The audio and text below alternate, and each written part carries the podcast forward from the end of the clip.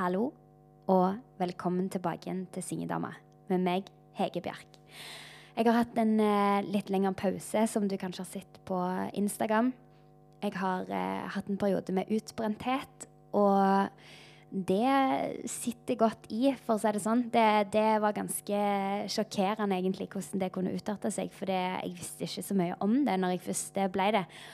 Eh, men det viser seg at eh, på et tidspunkt så gir kroppen beskjed hvis eh, det ikke fungerer sånn, sånn som man eh, jobber, eller sånn som man lever livet sitt. Så da må man eh, rett og slett ta en pause, lytte til kroppen og lære seg noen teknikker for hvordan man skal leve på en ja, litt lurere måte, rett og slett. Eh, dette her eh, har jeg ganske mye å si om. Vi kunne hatt en eh, Eller vi skal ha en episode om det, egentlig. For eh, i dag så, så, har jeg nemlig fått med meg eh, Rita Heigre. Ei som jeg har gleda meg veldig lenge til å ha som gjest, helt siden jeg leste en artikkel om henne i Aftenbladet i fjor. Hun er operasanger, og det er faktisk første operasangeren vi har med her i podkasten. Hun har jobba på Den Norske Operaen i Oslo, og hun har jobba på Vasateatret i, Stockholm. Hun har gått på Barrat Due og fullført vokalpedagogutdanning der. Og hun har jobba på Det Norske Teatret, spilt i ulike musikaler og bare gjort enormt mye kult. Men på et tidspunkt så sa det stopp for henne, og hun måtte rett og slett eh, gi seg som operasanger. Du skal få hele hennes historie i dagens episode. Og så håper jeg at du som hører på denne podkasten, for jeg regner med at du som hører på, kanskje liker å synge, eller eh, er interessert i sang, eller kanskje du vurderer om du skal bli sanger, eller kanskje du studerer sang.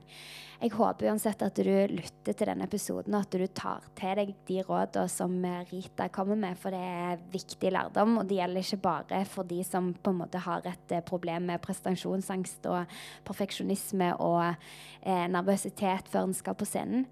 Men det er noe som vi, vi alle trenger å høre. Eh, og som vi sannsynligvis kommer til å få bruk for på et eller annet tidspunkt. Ja, Rett og slett hvordan skal unngå å bli utbrent. Jeg håper du setter pris på denne episoden her. Og så vil jeg veldig gjerne høre fra deg i innboksen min på Instagram, hege.bjerk, om du har noen tilbakemeldinger til meg, eller tema eller gjester som du skulle ønske at du fikk høre i Syngedame.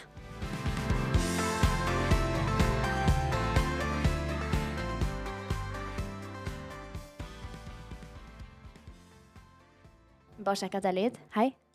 Hallo, hallo. Ja, han tar opp. Veldig kjekt at du vil være med i, uh, i podkasten min. Jeg har gleda meg veldig til dette. Ja, veldig gøy å komme hit. Du var tilfeldigvis i Sandnes? Ja, jeg er jo her nå fordi at jeg skal flytte hit snart. Ja. Så jeg har kjøpt meg leilighet rett over sjøen her. Å, fantastisk. Mm, så da må jeg hjem og så bestille litt møbler og litt sånne ting. Litt forberedelser da, til overtagelse i desember. Så det er veldig spennende. Så spennende.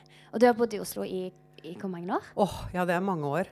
Jeg flytta dit når jeg begynte på Barratue på begynnelsen av 80-tallet. Ja. og så litt til og fra, og så har jeg vært et år i Sverige og litt sånn. Så det har vært mange år. Ja. ja. Jeg er jo 54 nå. Det er jo helt sjokk å tenke på, men uh, sånn er det. ja. Så nå flytter du tilbake til Jæren? Ja. Jeg har alltid drømt om å og Jeg har aldri glemt Orrestranda og Borestranda og sånne ting. Og så har jeg alltid når jeg er hjemme, det første jeg gjør når jeg går av flyet, det er å dra til stranda. Og så har jeg tenkt nei, jeg har lyst til å bo ved havet og sånn. Og så tenkte jeg det har jeg ikke råd til i Oslo. Så kom jo det her prosjektet på Rovik brygge, og da bare tenkte jeg at det må jeg prøve. Å, fantastisk. Ja. Så det, det, blir en test. Jeg liksom må jo se om jeg trives, og, og så må jeg jo bytte dialekt tilbake igjen. Ja, det er så fascinerende. ja, det. det. er så gøy, for det høres så Jeg trodde jo at du snakket østlandsk, og så ja. helt, fikk helt Men jeg gjør jo det. Jeg snakker østlandsk når ja. jeg er i Oslo, og så snakker jeg jærsk når jeg er hjemme. Men nå er jeg liksom inne i østlandsk dialekten akkurat nå, så jeg tror vi tar det på østlandsk akkurat ja, i dag. da. Det kan vi gjøre. Ja. Det er helt greit. det er veldig gøy. Jeg gleder meg veldig mye til å ha deg med. Jeg leste den artikkelen om deg i Aftenbladet. Når var det? I fjor høst? eller noe ja, sånt? Ja, det var vel i fjor i august. Omtrent på den tida ja. her, tenker jeg. Ja, mm. stemmer det. Ja. Og det var bare sånn, ja, det ga skikkelig inntrykk. Og det tenkte jeg var sånn åh, det hadde vært så kjekt. Da tenkte jeg først jeg tenkte var sånn, det hadde vært så kjekt å ha deg med i eh, podkasten. For det er sånn, dette tror jeg er noe som veldig mange kan lære noe av. Det er alt det alle de erfaringene du har. Ikke sant. Ja, nei, jeg tror nok det. Og, og jeg har liksom gjort det til en sånn ja, Ikke misjon, da, men jeg, jeg snakker veldig mye om det. Og særlig til unge sangere som står på terskelen til en karriere. Ja. På en måte, for jeg har gjort så mange feil og på en måte tenker at det, hvis jeg kan redde noen fra å gå gjennom all den dritten som jeg har måttet gå gjennom, så Og på en måte For det hele budner jo i en, en dårlig selvfølelse i bunn, tenker jeg. I hvert fall ut ifra mitt ståsted. Og, og da når du får um, at man er en perfeksjonist på toppen av det, så den kombinasjonen der er jo ikke helt god. Og så skal man jo da også overleve i et ganske tøft yrke. Som kvinne og som sanger. Og så skal man prestere på et veldig høyt nivå hele tiden. Og så er man sin egen største kritiker. Og da, etter en stund da, så får du straff. Ja, det, Ja. Og det er kanskje typisk sangere òg. Å være litt sånn perfeksjonistiske. Ja, jeg tror på en måte, altså det blir jo, for du skal jo, eller kunstnere generelt, tenker jeg, for også og så er man jo så selvkritisk. Ja, ikke sant? Sånn at eh, man, i hvert fall for min del, så ble jeg liksom aldri fornøyd. Og det hjalp jo ikke at andre sa at det var bra, for at det, så lenge ikke jeg syns det var bra. Og så blir det sånn at du, du måler deg selv ut ifra den feedbacken du får, da. Sånn at, eh, at du bygger din selvfølelse på hva andre mener. Og, da, og, da, og det forplanter seg også videre i livet, egentlig, til hvem du er som menneske. Så det går ikke bare på det, oi, bare på det sanglige, men det går også på hvem du er. Ja. Og da hvis du ikke Hvis du liksom venner deg til å, å bygge selvfølelse på ytre stimuli, så når du ikke får det, da, så har du jo ingen styrke i deg selv, eller du vet ikke hvor du skal hente det fra da. Da blir du veldig usikker. Og da kommer jo masse angst og, og sånn ut ifra det. ja, ikke sant. Og da når du hele tiden går sånn på alerten, så blir du jo utslitt til slutt. Ja. Ja, ikke sant. Åh, Så, så det, det er en medvirkende årsak, liksom. Men, men min utmattelse, den starta jo egentlig sånn på slutten av ungdomsskolen, begynnelsen av gymnaset. Ja. Eh, men da, på den tida der, så var det jo ingen som snakka om utmattelse og ME og sånne ting. Nei. Så jeg hadde aldri hørt om det. Jeg visste ikke noe om at det var noe som het det engang. Jeg bare så at jeg tålte mye mindre enn andre i klassen og på skolen. Og, og, og så prøvde jeg liksom å dekke over det. Og, og jeg klarte jo ikke å stå opp sånn som de andre, og jeg kom meg ikke på skolen. og så jeg fant på masse rare historier liksom for Ja. å Ja, nei, du skjønner, jeg traff en hund på veien, så jeg måtte redde den. Og, ja, sånn, liksom sånn for å kompensere for det. For jeg skjønte jo ikke egentlig hva det var. Nei. Og når du begynte å studere og sånn, så tenkte jeg at ja, jeg kan jo i hvert fall aldri ha en A4-jobb, for jeg klarer jo ikke å holde ut i åtte timer, jeg. Så derfor så tenkte jeg at da må jo sangeryrket være bra, for det er veldig av og på. Og det er veldig sånn periodisk jobbing, og så kan man hente seg inn igjen. Og det er nok eneste grunn til at jeg har klart meg også i de årene her. Ja, at du har tid til å hente deg inn? Ja, rett og slett. Og at jeg har liksom hatt perioder For jeg har jo jobba til blodsmaken har vært i munnen, og jeg har vært helt eh, utkjørt. Men så lander man litt, og så går man på igjen, og så holder man på sånn og stuper i mange år. Ja, sant. Så, så, men det straffer seg jo helt fullstendig 100% til slutt. Så da ble jeg jo sengeliggende nå. Så, mm, så det var ikke så smart. Nei. Men det var jo ingen som fortalte noe om det. Men så var det jo liksom etter hvert at man liksom leste om folk som hadde ME og Men så tenkte jeg nei, men det er ikke meg, vet du, for jeg er jo ikke sengeliggende 100% jeg. Eller, og, og det er de som må ligge i et mørkt rom og Ja.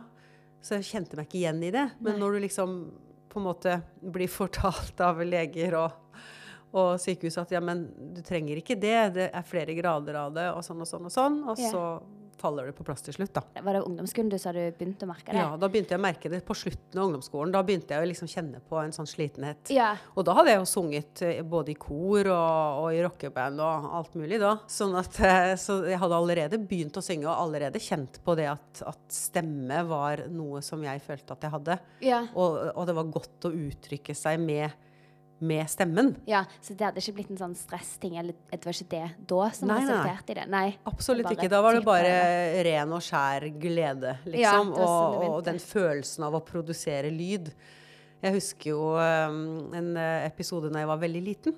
Ja. Da var vi på besøk hos min mormor i Trøndelag, og hun bodde i blokk. Ja. Og da, jeg tror ikke jeg var mer enn en fem år, fem-seks år. Og så gikk jeg ut i gangen, og det var så fin klang uti der, vet du. Ja. Så jeg satt bare og sang og fikk liksom la Så var det ekko, ekko, ekko. Ja. Og satt der og sang. Og jeg nøt liksom min egen stemme, på en måte. Men så fikk jeg veldig mye kjeft, da, for at det bråka jo i gangen. Det var ikke alle som syntes det var så fint. Sånn det, og så var det en som heter Stokke i etasjen under min mormor, som var litt streng, da. Og han hadde òg en stokk. Oh, ja. Og han banka liksom i gulvet når det var litt sånn. Så, men da oppdaga jeg jo at jeg syntes det var godt å bruke stemmen. Ja. Og så tenkte jeg jo litt på at jeg kanskje skulle gjøre noe med det, men så var det liksom ikke Ja, jeg fikk ikke helt uh, det til.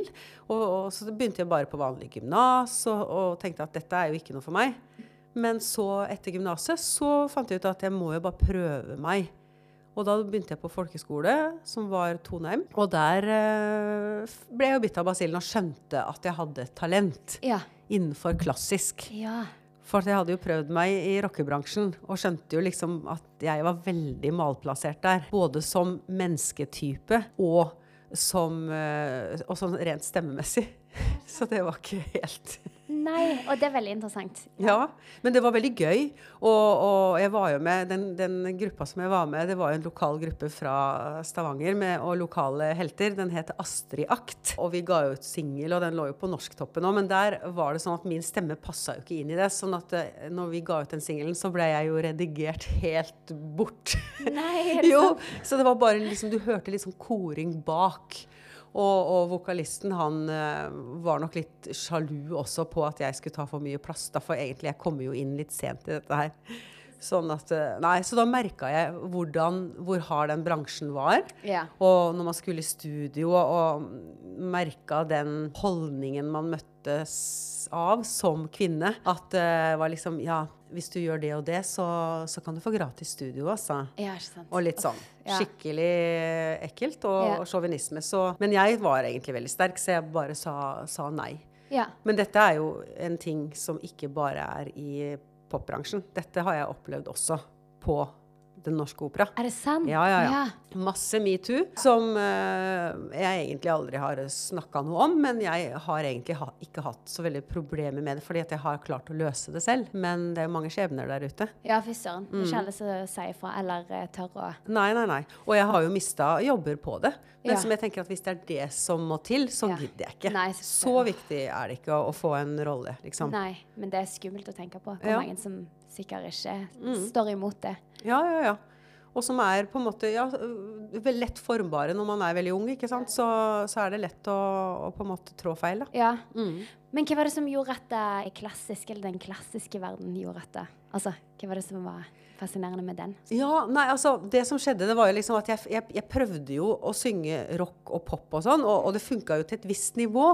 Men det der med, med brystklang og liksom Altså, jeg prøvde å synge etter ABBA-låter og all, sånn der i min barndom, og da kjente jeg at liksom Stemmen min passa ikke helt inn, og jeg fikk liksom ikke helt til det der, så tenkte jeg Det var dumt, da. Men så kjente jeg at eh, når jeg liksom brukte stemmen på en annen måte og så, Jeg hadde ikke hørt så mye opera heller, men jeg bare kjente Det var en sånn intuisjon som jeg bare fikk, da, at kanskje det passer til opera. Ja. Og så begynte jeg å leke litt med stemmen på badet, og, og så husker jeg jo litt på den klangen i gangen hos mormora mi, og så, ja, så begynte jeg liksom å eksperimentere litt med stemmen. Og, og da kjente jeg at ja, det var til og med mens jeg gikk på videregående på språklinja, så begynte jeg å gjøre litt sånn. Men da hadde jeg jo ennå ikke skjønt at det var det jeg skulle. Men, eh, men jeg, da tenkte jeg at du, jeg, jeg, tror faktisk at jeg kan bli operasanger, altså. Tenkte jeg da. ja, så kult. Og da hadde jeg ikke fortalt det til noen, og så fant jeg ut at nei, da skal jeg søke eh, skolen og sånn. Og så jeg på opptakskriteriene der, og det var jo veldig mye. Ja. Så jeg tenkte at oi, nei, det, det får jo jeg aldri til, liksom. Og det er jo teori, og det er uff a meg. Så da la jeg det på hylla. Oh, ja. Og så, når jeg da var ferdig med Toneheim og um, kom videre inn på Barratue, da, på vokalpedagogisk linje der, og der kom jeg kun inn på sangen, for jeg, var, jeg visste jo ikke hva en tæsj var. Jeg. Jeg hadde ikke noe teoretisk forståelse i det hele tatt. Sånn at da måtte jeg ta sånn forkurs i teori, da, for å kunne komme inn. Men jeg kom inn på sang, både på Musikkhøgskolen og alle steder. Oh, ja, er. Øh, Men, men ikke på teorien da, på Musikkhøgskolen. Men det da- sier litt, for det er et nåløye. Altså, det er ikke mange mm. som kommer inn. Nei, det er veldig få. Og, Ja. og også, men så var jeg litt sånn, jeg hadde litt lopper i blodet. Da, for når jeg først da kjente hvordan det var å synge, og på en måte du får litt respons på det. Og det er den følelsen på en måte å produsere vellyd da fra kroppen din, liksom. Og bruke hele kroppen, og så kommer det ut lyd, og du kan bare forme det til noe vakkert. Det er ganske fascinerende, Ja. og, og det er mye terapi i det, altså. Ja, å synge. Ja, det er helt sant. En burde fokusere mer på det sånn generelt enn en det der prestasjonsjaget. Altså, Absolutt. Ja. Og, og, og det som er så synd, da Nå, nå skifter jo jeg tema 100 ganger her, men jeg tenker liksom på, på de som vokser opp i dag og, og på en måte har eh, er i skolen, og det, og det har jo blitt så mye mindre sang i skolen. Jeg husker jo når jeg gikk i første og andre klasse, så sang vi jo hver eneste time. Vi begynte hver time med å synge. Ja. Ja. Og det var jo der òg. Jeg kjente liksom at det var gøy å synge. Ja. Selv om det var viser og sånn. Og jeg hadde en, en lærer som var, var veldig glad i å bruke sang. Men nå er det veldig lite sang. Veldig lite plass til det i skolen. Og da får jo ikke barna den erfaringen. Så det, Det er det, helt syns jeg er litt, eh, litt trist. Og jeg har jo reist en del med Rikskonsertene. Ja. Og vært i skolene og, på en måte prøve å bygge opp det da, gjennom noe som heter eh, Hele Norge synger. Og da ser du på en måte hvor lite vant de er til å uttrykke seg med stemme på den måten. Og hvor lite kompetanse vanlige lærere har. De tør ikke liksom stå foran Så vi skulle liksom lære opp lærerne også til å tørre, da. Så, så det er synd, for at det er, da tror jeg hvis man liksom kunne hatt med seg den biten, så kunne man brukt stemmen. Og ja, jeg føler jo det har mye med at det er så mye fokus på Altså det er så mye konkurranse, og en blir målt sånn TV-konkurranse der er så mange unge eh, som blir målt på liksom hvor flinke de er. Altså det er så mye fokus på det der at det skal være så rett på en måte og bra. Eller jeg vet ikke. Jeg bare, hvis en hadde hatt litt mer fokus på hvor eh, sunt og bra det er å synge. Det er akkurat det. Og, Ja. og det en annen ting da, som jeg på en måte tenker selv er kjempe Som jeg, jeg skjønner ikke hvorfor jeg ikke klarte å finne ut av det der før. Men det er at er det så farlig? Ja, ikke sant? Kan du ikke bare synge for F prikk prikk? Altså, for det, det kunne ikke jeg. For at alle toner skulle være perfekte. Og du var liksom så opptatt av å produsere noe som skulle være så bra, at da forsvinner jo gleden i det. Fordi at du binder deg jo i kroppen. Det blir jo ikke noe som blir fritt. Nei. Hvis man hadde kunnet bare slappe av litt og synge og tenke på at det er uttrykket mer enn akkurat bare sangteknikken som skal til. At det er jo det som er interessant. Det er jo dritkjedelig å høre på, eh, det, i hvert fall i i den klassiske verden, noen som bare synger helt teknisk perfekt, men som ikke har noe følelse bak det. Ja, ikke sant? Da kan du høre det én gang, og så er du ferdig. Men f.eks. sånn som Maria Callas, da, bare for å ta en veldig kjent sangere, sanger. Hun var, levde jo for noen år siden og er død nå. Men hun sang jo absolutt ikke med perfekt teknikk.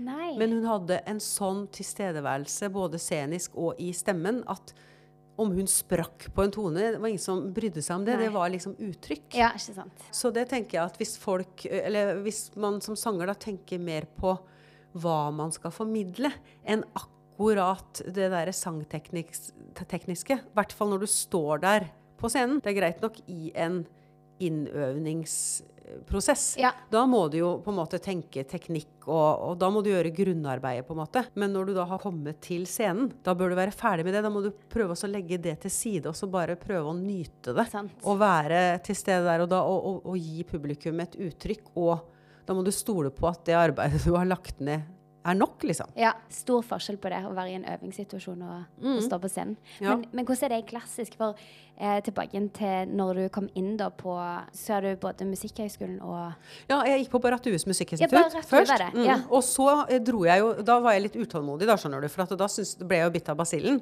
Ja. Og så var det en venninne av meg som hadde prøvesunget på Norske Teatret i koret for eh, en musical. Ja. Og så tenkte jeg ja, det skal jeg òg gjøre. Så da dro jeg på Norske Teatret og prøvesang for Jesus Christ Superstar. Eh, og det var også en, en koristrolle, da. Og der var det Kari Stokke og en som heter Egil Monn Iversen. Da. Det var jo en bauta i norsk musikkliv, begge de to egentlig, eh, i den tiden der. Og, og da var jeg jo bare 20. Og kom inn der og sang eh, en sånn der eh, romanse eh, som på en måte ikke hørte hjemme i det auditionstykket der, egentlig. Men da fikk jeg eh, Da så Egil Manniversen meg og ville satse på meg. Så. Så da fikk jeg både den jobben, og så ble jeg kalt inn på teppet. Og da trodde jeg først at jeg hadde gjort noe gærent. For da, når teatersjefen liksom kaller deg, kan du komme opp på kontoret mitt, jeg må snakke litt med deg, liksom, tenkte jeg guri, hva har jeg gjort nå? Har jeg gjort noe feil, eller Ja, du blir veldig usikker, da. Og så kommer han inn, og jeg snubler inn der og setter fast kostyme i døra. Og ja, nei, jeg var veldig nervøs. Og så smiler han bare, og så sier han du, vet du hva, vi har tenkt på deg. For at uh, Solveig Kringlebotn, som skal gjøre Opera Fantomet, eller, eller Christine, uh, neste sesong, hun jobber også i Sverige med Figaros bryllup. Så hun vil ikke kunne være her på 20 av de forestillingene. Så da lurte vi på om du kunne tenke deg å alternere med henne. Det er jo Ja. Ja. Og da kjente jeg liksom bare Hva sa du nå? Er, liksom, Ja. er det sant, eller er det tull, eller hva, hva skjer, liksom? Wow. Og jeg hadde, da hadde jeg jo ingen sceneerfaring i det hele tatt Nei, okay. fra før, ikke sant? Nei. For da var jeg jo, jeg hadde jo ikke gjort godt mer enn ett år på Baratu da. Og da, vi, og da turte jeg jo ikke nesten å synge mm, offentlig engang. Nei, Altså, da, jeg turte ikke å synge i koret der engang. Jeg satt helt stiv og Ja, så, så da var jeg liksom virkelig ikke Ja. Men så tenkte jeg, ja, men det kan jeg vel prøve. Og, og, det som, og da var det en som heter Runar Borge som var eh, regissør på det. Ja, han har jeg hatt i Ja, jeg gikk på Musikkteaterhøgskolen. Da hadde ja. hadde vi han av og Ja. til som eh, lærer. Eller han var innom og hadde forelesninger. Ja, ikke sant? Ja.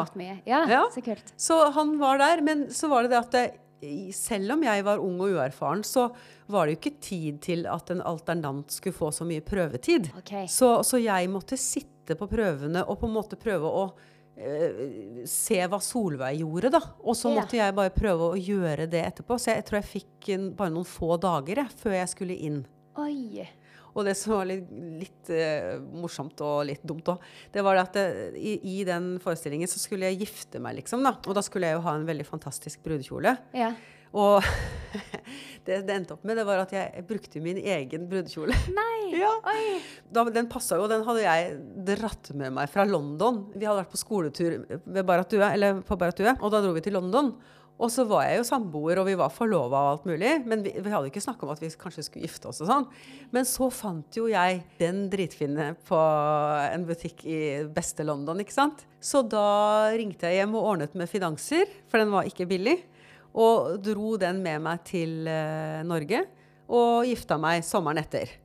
Men så varte det ikke. Vi var jo altfor unge, og vi, det skulle ikke være oss. Liksom. Men da fikk jeg veldig god bruk for den kjolen Ja. allikevel. For at Ja. jeg sang jo Christine i den i 20 forestillinger. Oi. Så var Valuta for pengene. Ja, veldig valuta for pengene. Ja. Pluss at, at teatret kjøpte den av meg så jeg, jeg jeg tjente jo faktisk på det. Ja, Ja. genialt. Ja, genialt. Men så dette her, det var jo helt, eh, helt sprøtt. Dette her var liksom første sceneerfaringen yep. som uh, Christine. Mm. Ja. Men så må jeg si det, jeg må virkelig berømme de uh, skuespillerne som jobba i samme produksjon, bl.a. Jon Eikemo og Trond Brenne. ja. De hjalp meg utrolig, altså. Så de var en kjempefin støtte. Sånn at jeg hadde jo masse scener sammen med de, og de geleida meg og sånn. Så det ble jo en veldig positiv opplevelse. Ja. Men, eh, men det var også veldig skummelt. Men jeg tror ikke allerede Eller, eller da så hadde jeg nok ikke enda på en måte skjønt hvor skummelt det var. Jeg var litt uredd enda da. ja, OK. Det, jeg ble litt det, for da hadde jeg jo hatt litt eh, korerfaring med Jesus Christ, ikke sant? Ja. Men så var det jo da hovedrolle der. Så, så den voldsomme prestasjonsangsten, den hadde ikke kommet enda da. Nei, så du klarte å kose deg med det? Ja, på en måte. Jeg var nok i hvert fall ikke så livredd som jeg ble etter hvert. Nei, skjønner. Etter dette her, så da ble du headhunta til? Ja, ja, og da, da var det altså, Så jeg ble jo med i Sweeney Todd også etterpå. Og da var det en som heter. Georg Malvius, en, eh, en svensk regissør. Eller han er ikke svensk, han er utenlandsk et eller annet land, men han bor i Sverige. Eh, Musical- og operetteregissør og har gjort masse i Sverige. Så han headhunta meg til å komme til Vasateateren og synge i Sjøna Helena. Og der også skulle jeg alternere som Helena, og så skulle jeg være i ensemblet. Men da ble det for mye. Så da, da gjorde jeg den rollen noen ganger på scenen. Men så begynte jeg å få fullstendig panikk. OK. Før du skal gå på scenen, Ja. eller? Ja, da Ja. begynte Og, og der også var det var en veldig krevende og, og stor rolle. Ja. Og jeg var jo ikke så erfaren. Og, og det var også hver eneste kveld, ikke sant. Så det var um, litt mye for meg, rett og slett. Og da begynte nervene å komme, og da eh, måtte jeg faktisk eh, gi meg. Ja. Så jeg skulle ha gjort mange flere forestillinger, men da gikk det ikke. Så da liksom Da uh, tok jeg eh, og reiste hjem til Norge med halen mellom beina.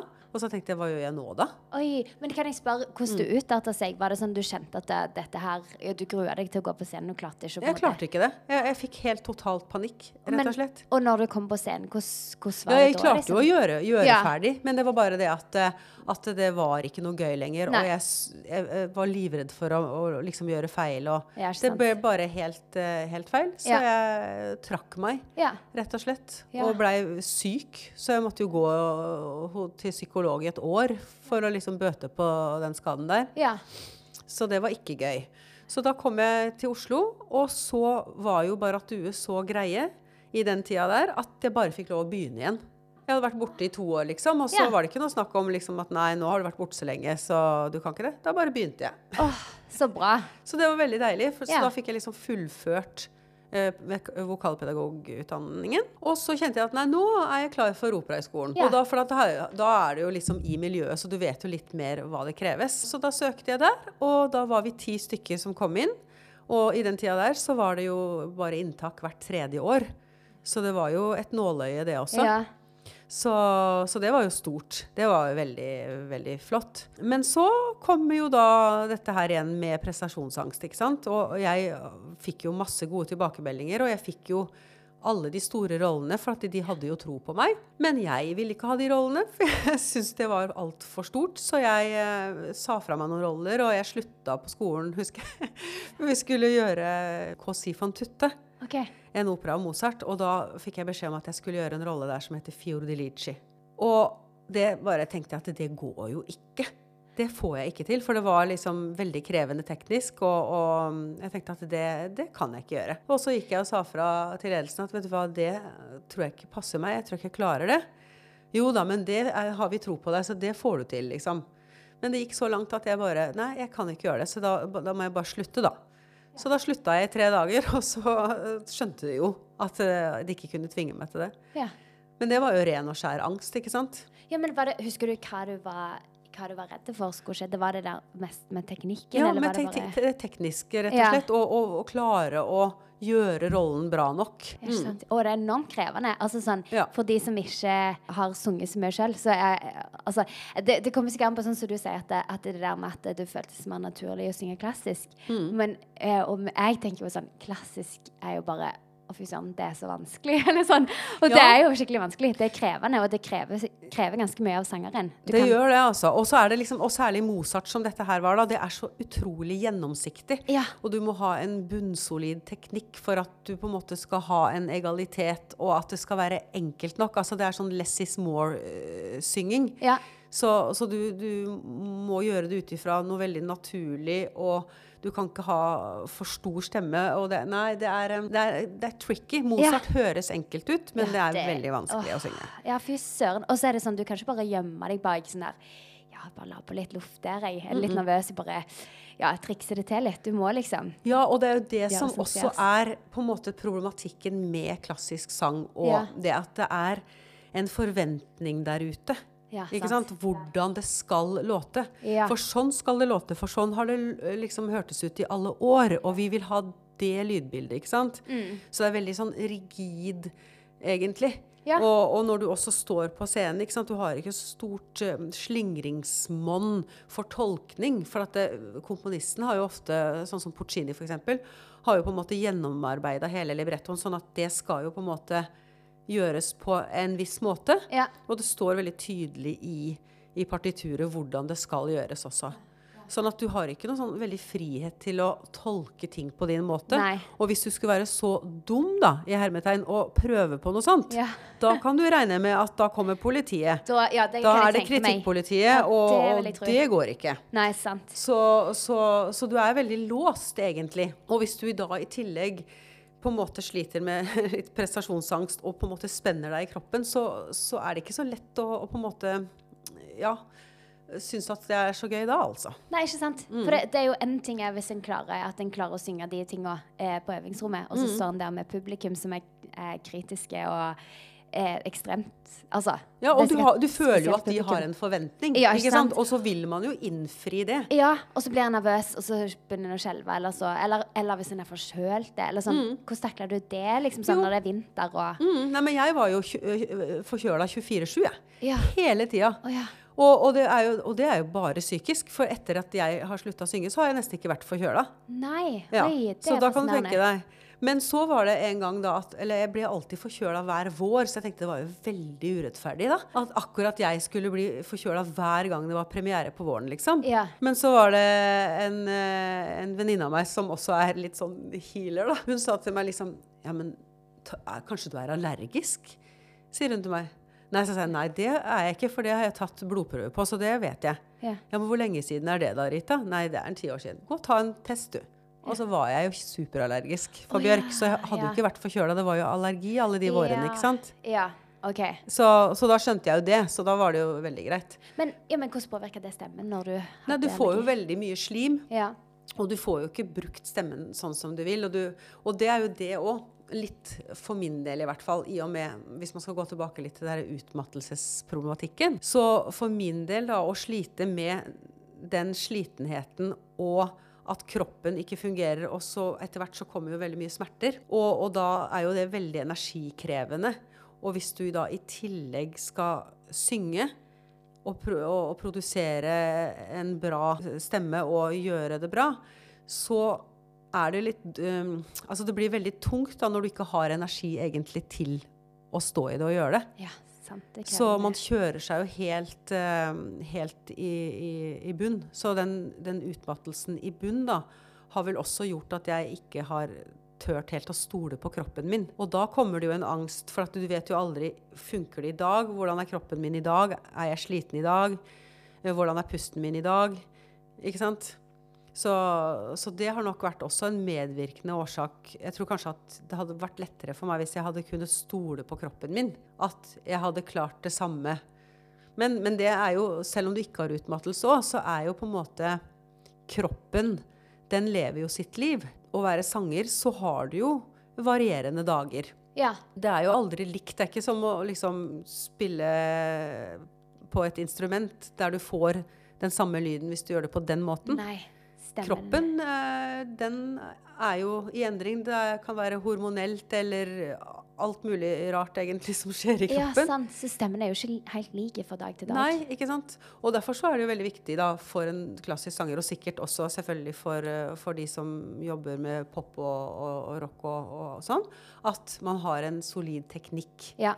For da kan du på en måte kompensere litt med den på dårlige dager og sånn, da. ja. Det kan være lettere å lene seg på. Ja, det tror jeg. At hvis du har en solid teknikk. Men så er det det òg, ikke sant. Det som også var litt problematisk med meg, det er at jeg har en naturstemme. Så jeg har jo ikke trengt på en måte kanskje å gå så dypt inn i det der tekniske, for jeg har liksom fått det til. Jeg er sta, skjønner du. Sånn at jeg gir meg ikke før jeg får det til. Og om jeg gjør det på riktig teknisk måte eller ikke, bare det høres riktig ut, så, så har jeg liksom gjort det. Så det er litt dumt, for at da, når du begynner å røyne på, da, så vet du jo ikke egentlig hva du skal gjøre teknisk for å endre det. Ja, jeg skjønner. For at Ja. da er det på en måte Da har du bare gått på autopilot og gjort det som er lett for deg, liksom. Så, Ja. så derfor så er uansett om man har Det sier jeg også til unge studenter, at ja, du har naturstemme, men, men jobb med teknikken. For den, den, når du blir eldre, og, og liksom kvinner, f.eks. store sopraner som kommer da i det store spøkelset overgangsalder, da vil jo stemmen endre seg. Og da har mange fått sjokk, for da kanskje de får en mørkere stemme, og at eh, stemmebåndet ikke fungerer helt som de gjorde før. Og så ja, blir det eh, en veldig vanskelig periode for mange. Mens andre igjen ikke kjenner noe. Så det er så individuelt, da. Ja, ikke sant. Mm. Men det uansett så kan det hjelpe å ha en teknikk. Holde for, seg til. ja, absolutt. Og, og for meg, da, jeg hadde, hadde liksom veldig sånne rutiner at jeg hadde de samme sangøvelsene, og det var en sånn Ja. trygghet i det. At hvis jeg varma opp med de sangøvelsene, så følte jeg liksom at ja, da har jeg gjort forberedelse. Og sånne ting. Men det kan jo bli for mye. Eh, Jeg har jo kolleger som har veldig mye prestasjonsangst. Ja. Og, og de gjør jo all verdens rare ting som de må gjøre. Og det blir jo et veldig rart liv. Det var tvangstanker. Mm. Det. Hele dagen. Og, det, og sånn var det jo jeg. Jeg var jo så nervøs fra du liksom våkner om morgenen, så er du helt stiv i kroppen, for du vet at du skal synge på kvelden. Og så liksom Nei, jeg kan ikke gjøre det. Nei, for jeg skal synge. Nei, nei, jeg kan ikke gjøre det. Nei, da må jeg si ah, ikke det, nei. Nei, og så må jeg gjøre sånn og sånn, og så må jeg være forsiktig der. Ja, og så Ja. Så det blir veldig og for min del så syns jeg det var en lettelse når forestillingene var over. Og, så, og da orka jeg ikke å stå på scenen og få applaus engang. Liksom. Da, da var jeg bare ferdig, jeg må bare av. For da var jeg så utslitt, så da Ja. måtte jeg bare komme meg av, liksom. Men klarte du da å slappe av imellom eh, den forestillingen til en stund fram til neste? Kanskje ikke helt Ja, til neste, det gjorde, det gjorde jeg på mange måter. Men, eh, men jeg var veldig forsiktig ikke sant, med å gå ut. Og, men jeg hadde jo mange kolleger som var ute og festa og, og liksom var oppe til langt på natt. Men det kan ikke jeg gjøre, for da mister jeg stemmen, liksom. Men noen kan jo det. Så jeg misunte de litt, da. Ja. At de liksom kunne bare leve helt som normalt. Og... Men så har jeg tenkt over det. Kanskje det var fordi at de var mer avslappa i seg selv. ja, sånn, ja. At de var mer, hadde mer selvtillit og et bedre selvbilde på at jo da, jeg er bra nok uansett, og jeg gjør mitt beste, mer kan jeg ikke få gjort. Det er liksom noe med den tankegangen der. Ja, ikke sant. Og den har jeg aldri hatt, da. Så, så det, hvis jeg skulle liksom tatt opp igjen sangen nå, så hadde jeg nok gitt litt mer F. Ja, du hadde det. Ja, ja. hadde jeg. Ja. Og det kjenner jeg. Jeg har, har jo hatt noen få oppdrag, på en måte bare sånn stuntgreier, som jeg har gjort. Um, og da har jeg på en måte hatt en litt annen approach. Og nå er jeg så voksen òg, så nå jeg har jeg jo ikke noe ansikt å tape lenger. Så jeg bare tenker nei, da får det bli som det blir. Åh, er ikke det deilig? Det er veldig deilig, og da blir det egentlig bra. Ja, For sant. da slapper, slapper du av, og, og det Ja. er du jo nødt til i, eh, som vi sier i sangteknikk, at du må ha en, en konsentrert form for avslappethet. Sånn at det, luftstrømmen flyter fritt. Ikke sant? For uansett, hvis du på en måte strammer kroppen, så blir det så ufritt, og Ja. da blir det ikke bra. Det er helt sant. Men det er lettere sagt enn gjort. Det er altfor lett å si, og Ja. dritvanskelig. Ja. Bare for å ta videre liksom fram Ja, du gikk tre år på Operahøgskolen, og så jobbet du på Norske Opera i, ti år. Ja, sånn av og på i ti år. Og på. først, først så var jeg, jeg rett etterpå, da jeg var ferdig på Operaskolen, Mm. så dro jeg til Brumunddal og gjorde en rolle der på Ringsakeroperaen. Det var min første jobb. Men mens jeg var der, så fikk jeg tilbud om stipendiatstilling Ja. på operaen. Ja. Så da var jeg stipendiat Jeg husker det, nå, har jeg litt sånn dårlig hukommelse. Men jeg tror kanskje at jeg var stipendiat i to eller tre år. Og så gikk jeg over til da en sånn vanlig sangerkontrakt. da, Åremålskontrakt. Så, så jeg ble der sånn cirka i ti år, da. Men det var ikke da det, på en måte, det var etter det at den på en måte største Ja. smellen kom? Ja, ikke sant. Og så begynte jeg å kjenne For at det, det som var i den tida der, det var veldig flott. Og jeg var jo veldig privilegert. Det var ikke mange som fikk lov til å være sopransolist på operaen. Så, så jeg er veldig takknemlig for at jeg har fått lov til å oppleve det. Ja, det er veldig kult. Ja. Så, så det er jo noe jeg liksom kommer til å, å huske hele livet, det. Men det som var litt vanskelig, det er at det, det var ikke noen tradisjon da på operaen at du skulle få noe coaching. Nei. Så, så som ung, uerfaren og litt usikker sanger, så, så følte man seg veldig alene om prosessen. Selv om du hadde en pianist eh, og repetitør til å øve inn ting, og regissør og, og dirigent og sånne ting, så var det den der mentale biten. Den var det ingen som hjalp oss med. Så at man følte seg så alene. Og, og, og når du først kommer til en forestilling og har en hovedrolle, så har du et enormt ansvar. Ja. Og da forventer jo alle at du skal prestere. Ja. Men hvis du ikke har de rette verktøyene sånn rent psykisk da, til å takle det, Ja. så, så er det vanskelig. Men, men det siste året jeg jobba på operaen, så var det satt i gang et eh, samarbeidsprosjekt med Olympiatoppen. Ja. Der man skulle sammenligne idrettsutøveres prestasjonskrav med sangere sitt. Og det er jo mye likt, men mye forskjellig. Ja. Men det har jo fortsatt litt, så, så de sangerne, og også nå de som utdanner seg For det var også totalt fraværende i utdannelsen. Er det sant? Ja, det Så det var, var kun på prestasjon og hva du gjorde, Ja. men ingenting på tankesett og det der å utvikle seg selv og på en måte Ja, den psykiske biten var ingen som snakka om det, liksom. Nei. Selv om alle gikk rundt som aspeløv og var nervøse. Og, og, og det er jo også sånn nå. De som utdanner seg nå, der også er det veldig mye nerver, for nå er det jo enda flere som utdanner seg. Det er jo en hel haug, både på konservatorier og på operahøgskoler og, og Musikkhøgskolen. Mange som vil bli sangere, og, og, og det er stor konkurranse og mye nerver ute og går. ikke sant? Ja. Men nå har man jo skjønt at man er nødt til å ha kompetanse også inn på den psykiske biten. Så nå har de begynt med Nå det? har de begynt med det, og det tror jeg er så lurt. Ja. For da kan du på en måte legge noe problematikk unna. Da kan du liksom konsentrere deg mer om det du skal, og, og slippe å bruke så mye energi på eh, nervøsitet og, og sånne ting. Og, og det som er, det var jo som Per Aabel sa i sin tid, at han ble jo bare mer og mer nervøs. Selv om han hadde jobba i 40-50 år, liksom. ja. Men det er jo fordi at man hele tiden kjemper mot sine egne demoner og ikke har noe verktøy på hvordan løse det.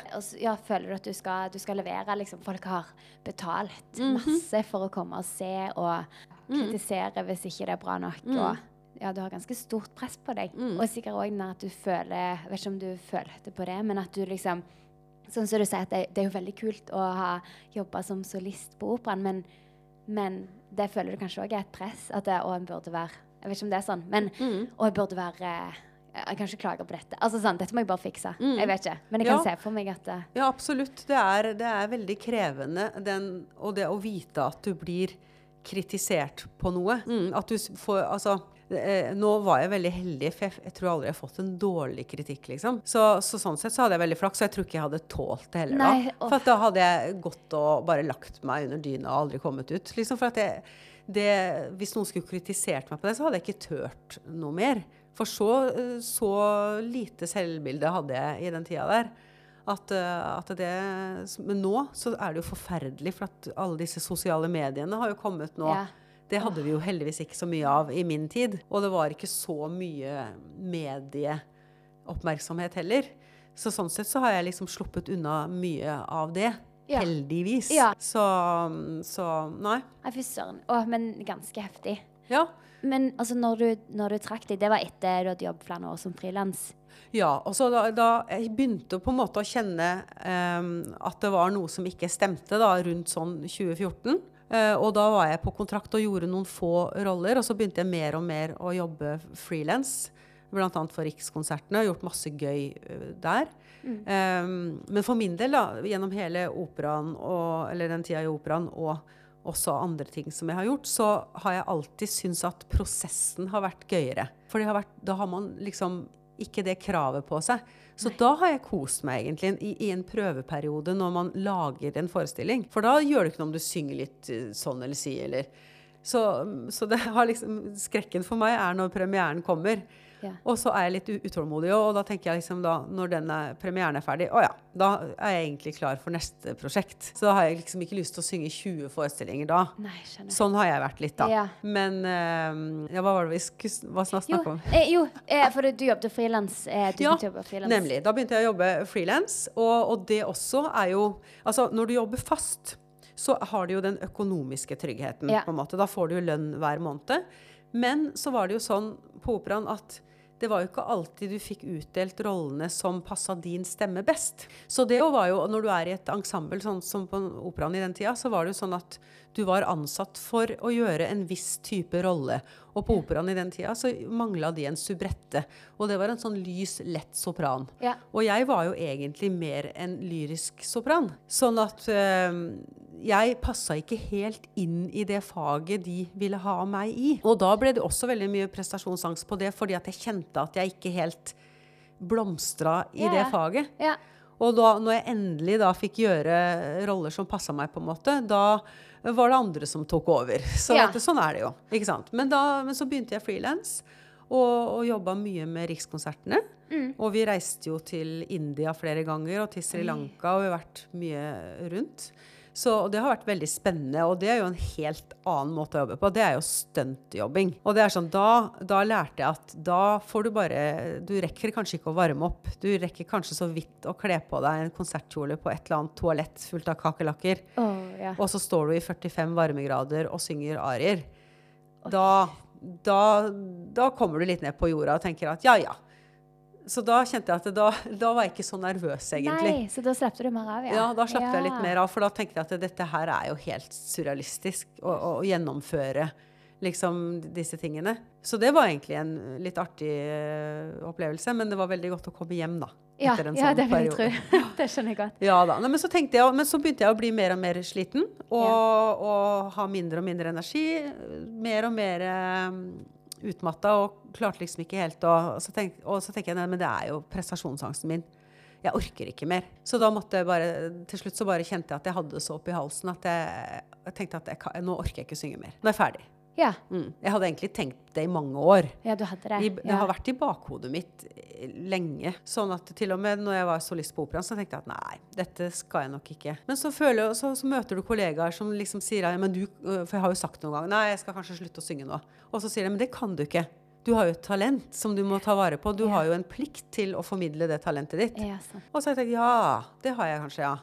Og så har jeg tenkt ja, nei, jeg passer jo ikke inn i noe A4-jobb heller, fordi at jeg holder jo ikke en hel dag. På grunn, for, jo, for det har jeg jo gjort hele tida. Jeg har jo hvilt meg.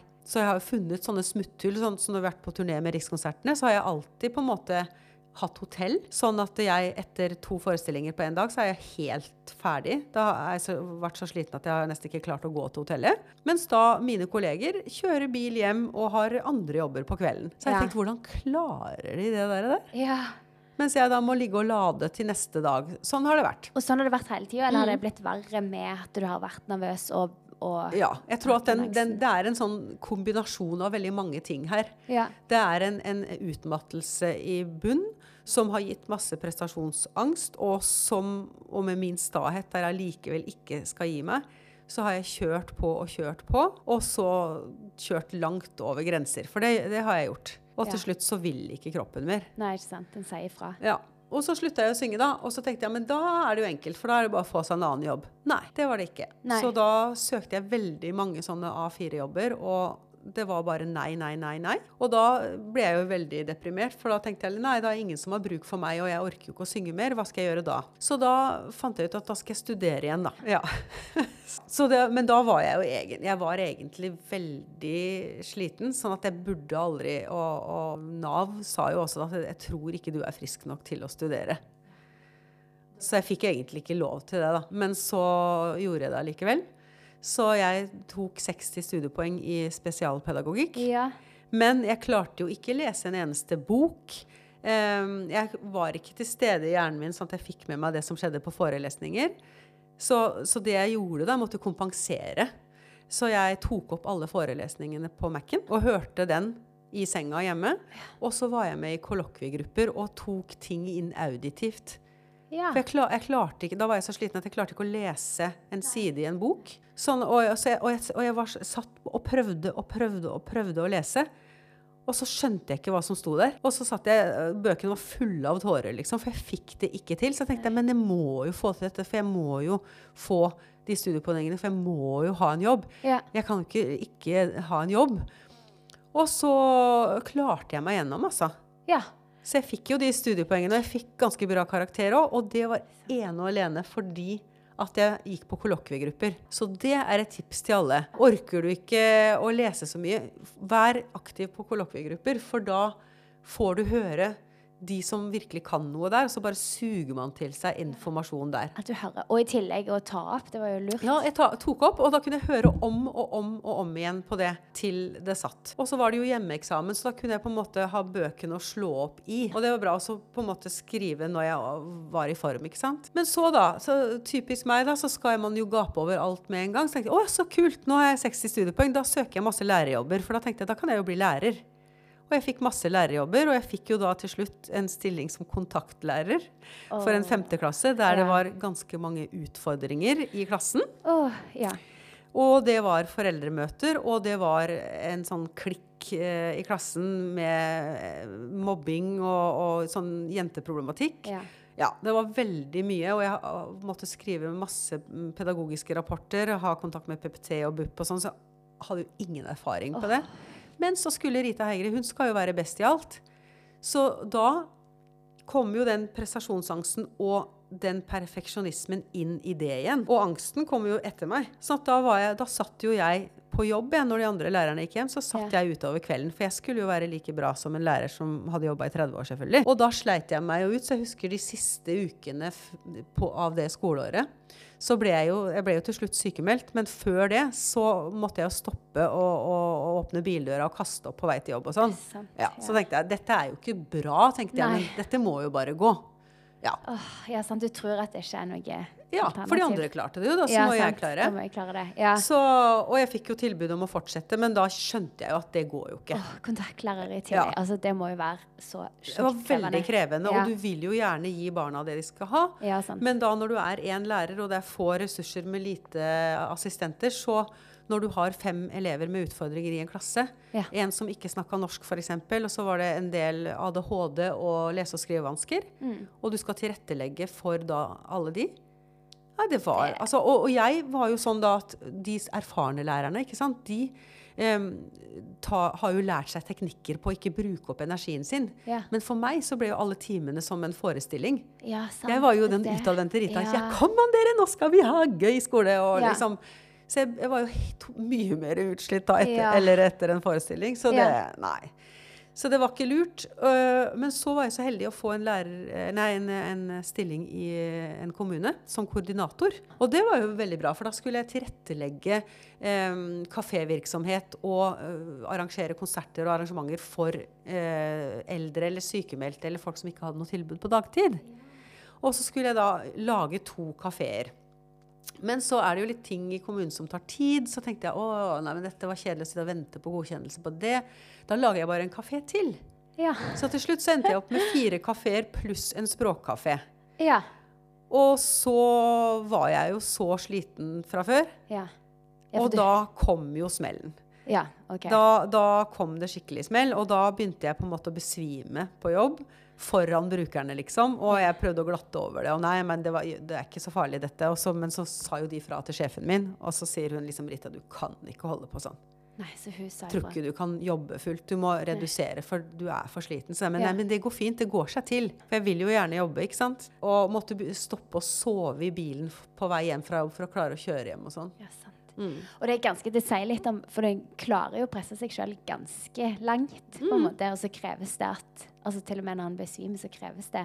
Og det er kanskje litt, litt typisk òg for de som er Jeg kjenner meg iallfall igjen i det sjøl. Ja. Hvis en er veldig perfeksjonistisk, at det, du, du, må noe utenat til for at det skal stoppe.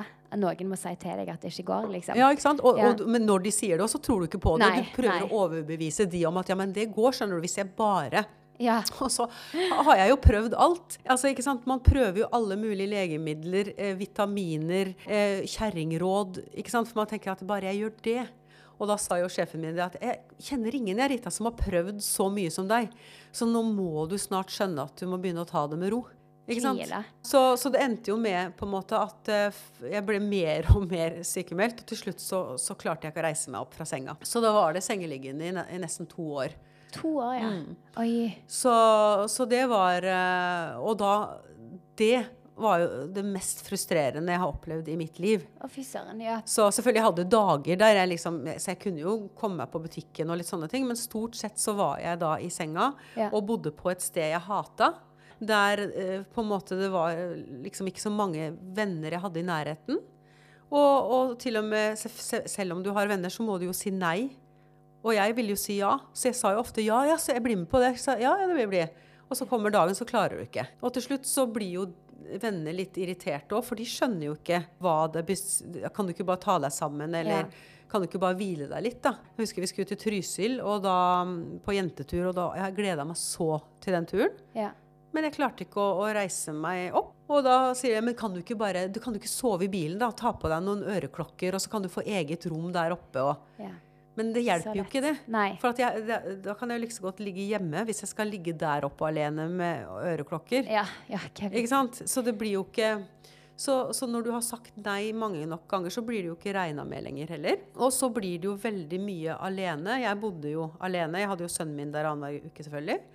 Og familien min her på Jæren. Sånn at eh, du blir utrolig ensom, altså. Ja, ja. Og, og, masse, og så har du på en måte Du har lyst til så mye, men kroppen sier nei. Ja. Og da skal du ligge der og tenke på det. Åh, sant? Og så er det sikkert en stor stressfaktor òg. Det, der at en må si nei og avlyse, det òg kan jo være en stor stressfaktor. Og det er, det, det. det er faktisk Det er noe vi burde snakke om, ja. Stress. For Ja. det at jeg tror på en måte Det er en stor sammenheng mellom utmattelse og stress. Ja. Absolutt. Ja. Og, og det stresset er ikke sikkert man merker selv. Det er vanskelig å avdekke det stresset. Ja, sant. Ja, for hvordan eh, Sånn som for andre som på en måte eh, kanskje kjenner på at de altså, blir slitne, eller eh, gruer seg til å gå på scenen, eller Ja. Altså, hva, hva slags, eh, hvordan merker en det? Ja? Hva, hva slags faresignal bør en på en måte være obs på? Mm. Det er ikke sant, For min del så var da Ja, det var én spesiell episode faktisk som gjorde at eh, Nå kom jeg på det. Som jeg bestemte meg for å slutte å synge. Ja. Og det var da hadde jeg vært med i et program Eller jeg skulle være med i et program, var det. Ja, nei, nå, sånn var det. Eh, ja. Jeg, hadde, jeg skulle ha et event sammen med Marius Roth Christensen, veldig Ja. bra tenor. Han var, var gitarist i Seigmen før. Vi skulle synge på Grand Hotell med orkester og greier for næringslivet. Og egentlig, altså når man synger for næringslivet sånn, så er det jo ingen De syns jo veldig mye er bra. altså Man trenger ikke å være perfeksjonist da. Men da ble det litt sånn, litt sånn utsatt tidspunktet for når vi skulle gå på. Og, og da ble jeg så nervøs etter hvert at jeg fikk synsforstyrrelser og øh, hjerteflimmer. Og, og så tenker jeg at sånn Jeg kan ikke ha det sånn lenger. Jeg hater livet mitt. Jeg orker ikke, liksom. Og da tenker jeg nå skal jeg fullføre den jobben her, og så det blir det. Ja. Så da, var, da sang jeg den jobben, og så hadde jeg én jobb til i Orstad kirke Ja. ute på Jæren. ja. Eh, det var en kirkekonsert. Og da Det var ikke mange som visste at det var min siste konsert. Det var bare han ene arrangøren så sier han, å, kan jeg få lov å si det, at det er din siste konsert? så jeg sa nei, det kan du ikke, liksom. For da Nei. hadde det blitt oppstyr om det, ikke sant. Ja. Så, men da, det var siste konserten, da. ja. Rett og slett. Da bestemte jeg meg. Nei, nå, nå får det være. Har du ikke Ja, det var, og det var siste òg. Har Mm. du, du har ikke Nei, det har jeg ikke vært. Jeg har hatt sånn noen småoppdrag. Liksom jeg har sunget én sang her og hist, liksom. Ja. Men ja. ikke Og nå sist, nå måtte jeg manne meg eller kvinne meg veldig opp nå her eh, i eh, mai. Ja. For min eneste onkel, eller jeg har jo på mammas side, døde. Og han har jeg et veldig nært forhold til. Og han har hele tiden sagt til meg liksom at ja, når jeg dør, da må du synge i begravelsen. Åh. Og det der har liksom på en måte jeg visst skulle komme, men det kom jo litt raskere enn det jeg hadde tenkt. da. Sånn at, eh, Og da hadde jo ikke jeg tatt en tone på i hvert fall et år. Nei. Ikke én tone, for jeg synger ikke i dusjen heller. Ja, da, altså. Det er helt stille. Og så tenkte jeg nei, da må jeg bare prøve å varme opp litt, da. Og så gjorde jeg jo det, da. Men eh, det var jo under de verste odds, fordi at eh, jeg, jeg hadde jo um, infeksjon i kroppen. Jeg hadde noe sånn, jeg har jo IBS, det er en sånn mage-tarm-sykdom. Og, og da visste ikke jeg at jeg hadde en betennelse, sånn at jeg gikk og tok koronavaks... Nei, reisevaksine, for vi skulle jo til Bali i sommer, så jeg måtte ta reisevaksine. Ja. Og så når jeg har tatt vaksinen, så sier hun eh, sykepleieren at det, ja, jeg ser det står at du har ME her i papirene. Da må du nok regne med å, å ligge på sofaen noen dager, tenker jeg. OK. Og da visste jo ikke jeg at jeg hadde infeksjon heller, og du skal jo ta vaksiner når du er frisk. Så jeg blei så dårlig, så jeg hadde Ah. masse feber og dro dit. Og klarte jo så vidt det var å stå på beina, men jeg tråkka Jeg brukte et kvarter opp trappa til galleriet og lå på den der kirkebenken, sang og var ferdig. Oi, men hvordan prega det deg etterpå, da? Ja, jeg hadde jo to Så her, da lå jeg i to uker etter at Ja, jeg kom hjem. Altså. Ja. Ja. Så, da, så da, var jeg, da var jeg litt redd for å få tilbakefall, faktisk. Ja, det Men da tok jeg veldig tak. For at jeg, du finner deg jo en teknikk etter hvert der du Liksom når du Du kjenner jo liksom når grensa er nådd. Men hvis du er i sosialt lag, så er det veldig gøy å være der fremdeles. Og så tenker du at nå har jeg gått over grensa mi, så nå bør jeg gå hjem. Men gjør man det? Nei.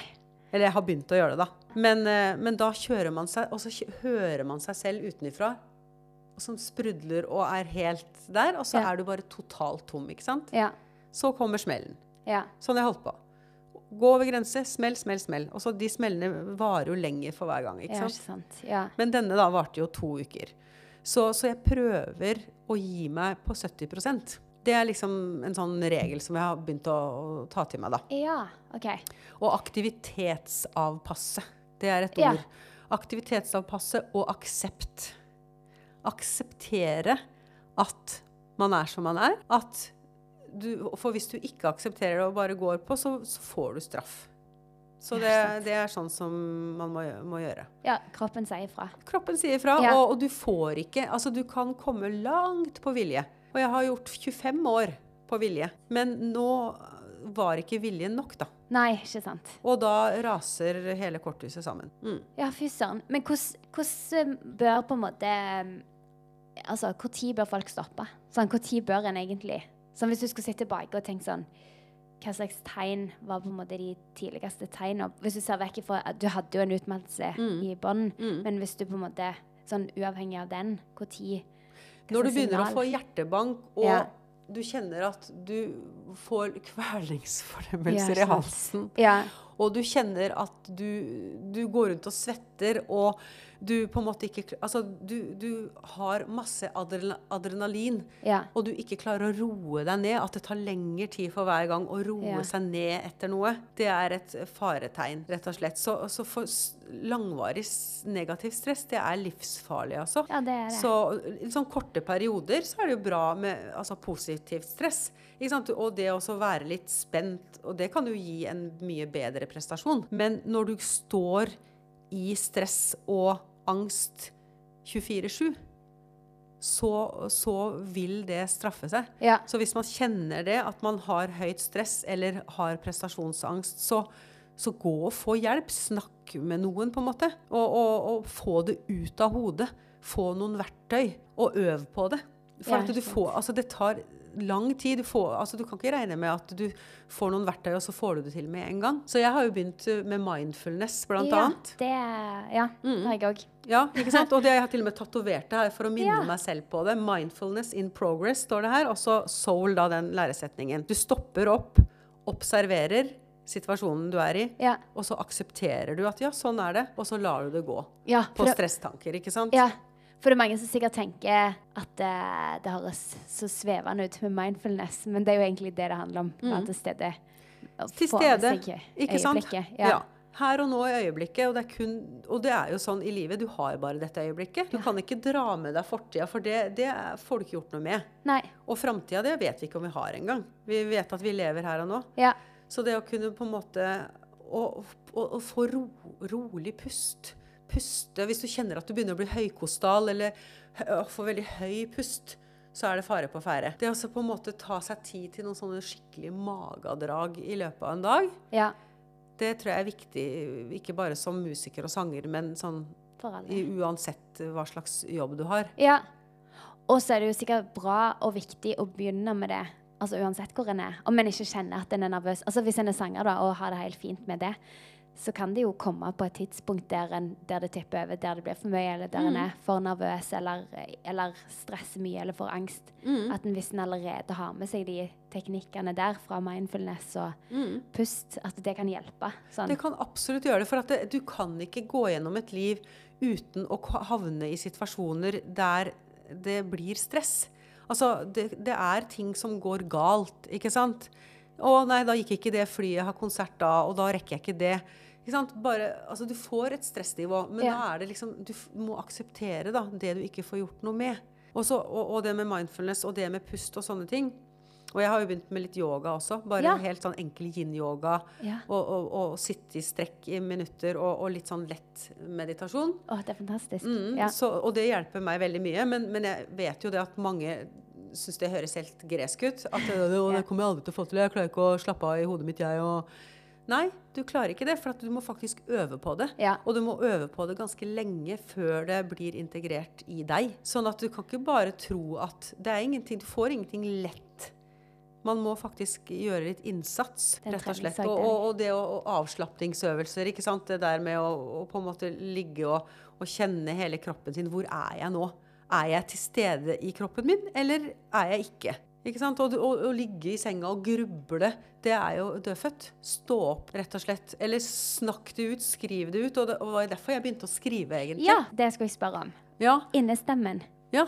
Kan du fortelle litt? Innestemmen, ja. Den eh, var jo kvært, ikke sant. Og, og masse stresstanker og grublinger og sånn, det går jo i loop inni hodet. Og når du er sengeliggende, på en måte, og det tankekjøret kommer, og du ikke har energi til å reise deg og gjøre noe med det, eller bryte eller gå ut av situasjonen For det er jo det som du bør gjøre ikke sant? hvis man er i en sånn loop da, med masse negative tanker. Så gå et annet sted, da. Gjør noe annet. Eller hvis du sitter i en stol, da, gå ut, da, eller legg deg ned, eller bryte. Men hvis du er så sliten at du ikke orker det, da må man ha noe annet. Og, og, min greie var Og det er en veldig rar historie. For, for i 2014 eller var det noe sånt, nå, da var jeg litt frustrert. Og da visste jeg ikke hvor skal livet mitt gå, så da ringte jeg faktisk en sånn synsk dame. Og jeg tror ikke på det, altså. Jeg, jeg, er ikke alter... Egentlig høres nå yoga, mindfulness, bla, bla. Jeg er ikke så veldig alternativ. Jeg er ganske Nei. jordnær, egentlig. Ja. Men da var jeg desperat, så da ringte jeg en sånn dame. Og så fikk jeg høre litt sånn og sånn, og det var jo veldig mye klokt i det hun sa. Men så sa hun til meg liksom at du har en skriveåre. Du må begynne å skrive, sa hun. Helt ut av det blå, liksom? Ja, hun sa det liksom, for jeg spurte med yrkesvalg videre, og hva skal jeg gjøre? Og for at liksom, ja, skal jeg, hvor skal jeg gå, liksom? Ja. Jeg kan ikke synge. Nei vel, hva skal jeg gjøre da? Eh, da sa hun nei, du skal begynne å skrive, men du kan ikke leve av å skrive. Og, og, jeg kan ikke skrive, jeg har skrevet stiler og sånn, ja, men liksom så tenkte jeg nei, nei, nei du, hun mente at jeg burde gå inn for det, da. Og det lå jo litt sånn i bakhodet. Og så, det, så begynte jeg å skrive litt sånn blogg bare for gøy, og så ble ikke det noe. Det var sånn litt sånn halvhjerta forsøk. Men da, mens jeg lå der, da, så begynte jeg så å tenke mye tanker om hvordan jeg følte det, og mye sånn. Og da begynte jeg å skrive noen sånne små notater på mobilen. Og så, når jeg var litt i bedre form, så skrev jeg det ut som dikt.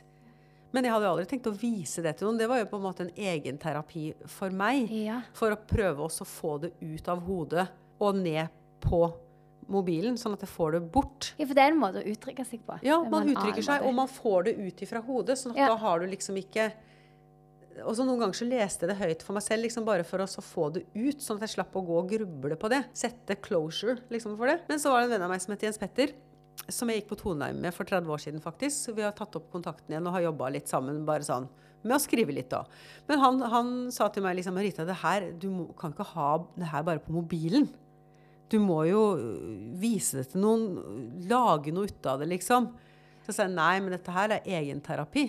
Nei, det syntes han var dumt, så da viste han meg litt på Pages og, og på Keynote og sånn, at jeg liksom kunne lage litt fint og, og liksom du burde ha en hjemmeside, og tenkte åh, nei, det, det orker jeg ikke å begynne med. Men så, så laga jeg noen sånne kollasjer med de diktene, og så fant jeg noen bilder på en splash som jeg syntes liksom passa til diktene. Og sånn. Og så syns jeg sjøl at ja, men dette var litt kult, da. Så litt bra ut. Og, og så tenkte jeg at eh, og så, så, hørte jeg eh, et intervju med en annen eh, dame som har MS, som heter 'Tusen tanker i ord'. Og hun hadde fått gitt ut bok på tekstforlag. Så tenker jeg kan hun, så kan jo jeg prøve. Ja. Og så tenkte jeg jeg skal ikke herme etter henne og skrive om den prosessen og det, men jeg har jo min måte å, å skrive ting på. Ja. Så da eh, sendte jeg inn noen forslag, og da syntes jo de dette her var veldig spennende. Så da fikk jeg jo kontrakt med de. Og så ble det jo en utforming, og så ble det boken 'Innestemme'. Oh, så da når utestemmen ikke brukes mer, så er det den indre stemmen som får uttrykke noe. Ja, Det er så kult. Ja, Så det har jo vært en renselse for meg, på en ja. måte. Så nå, men jeg har jo masse dikt. Jeg har jo Instagram-konto som heter Innestemme òg. Så der legger jeg jo ut dikt. Men nå har jeg liksom vært litt tom. Nå har jeg hatt det for bra, tror jeg. Ja, sant. ja for du må ha litt eh, Ja, må ha litt, litt motstand tungt. og ha det litt ja. dritt, egentlig. Ja for å få, få ut uh, det. Så nå tror jeg jeg har hatt det litt for bra en stund. og det egentlig... håper at jeg vil ha det litt til. Og da ja, jeg har ikke lyst til å ha det dårlig. Men, uh, men um, Så nå har jeg en liten sånn skrivepause. Og så vurderer jeg kanskje å gå over til et annet format, kanskje. At jeg skal gå inn i noveller og, og leke litt med det. Men jeg har ikke hatt helt energien ennå til å ta tak i det. Nei, så, det. så, det får vi se. Ja. Kanskje når jeg flytter hit at jeg får litt inspirasjon til Ja, å sant. Ja. Fra sjøen og Ja. Sandnes-lufta. Ja. Sitter jeg på Rovik brygge og ser utover Gansfjorden, og så kommer det Ja, ikke inspirasjon. Skal ikke se vekk fra det.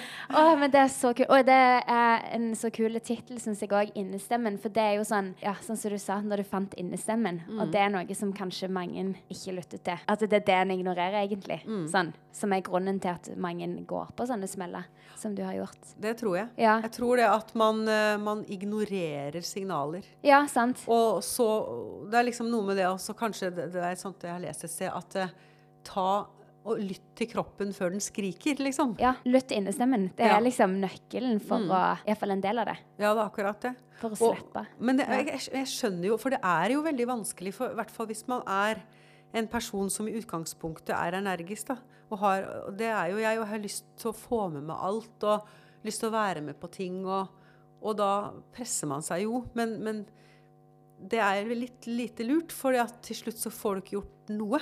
Da er det bedre å gjøre litt. Og, og, sånn, og det har jeg lært meg, da. Sånn som nå på søndag, så skulle jeg egentlig gjøre mange ting. Da skulle jeg Først så skulle jeg eh, ha besøk av eh, broren min og svigerinna mi, og så skulle jeg på en indisk hagefest. Og så skulle jeg reise hit. Og da måtte jeg bare kutte ut indisk hagefest. Ja, det skjønner jeg For jeg klar, da var det ikke mer energi. Nei, da visste jeg at, eh, at da skulle jeg? For når du er utmatta, så er det bare den trikketuren ned til toget, så toget ut til Oslo S, og så sitte og vente der, så fly.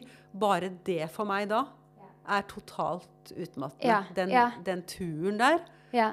Sånn at, eh, så da for at ikke det hele uka skulle bli ødelagt når jeg er her nå, da, så måtte jeg kutte ut indisk hagefest, selv om det hadde vært så gøy, liksom. ja, sant. For det er noe med det. At Ja. det, det er ikke lett å kutte ut sånne ting, men du må faktisk eh, ja, ta hensyn til helse og være litt føre var. Ja, man må Lurere. prioritere, og så Ja. må man velge det viktigste. Ja. Og så må man bygge seg sakte, men sikkert opp igjen.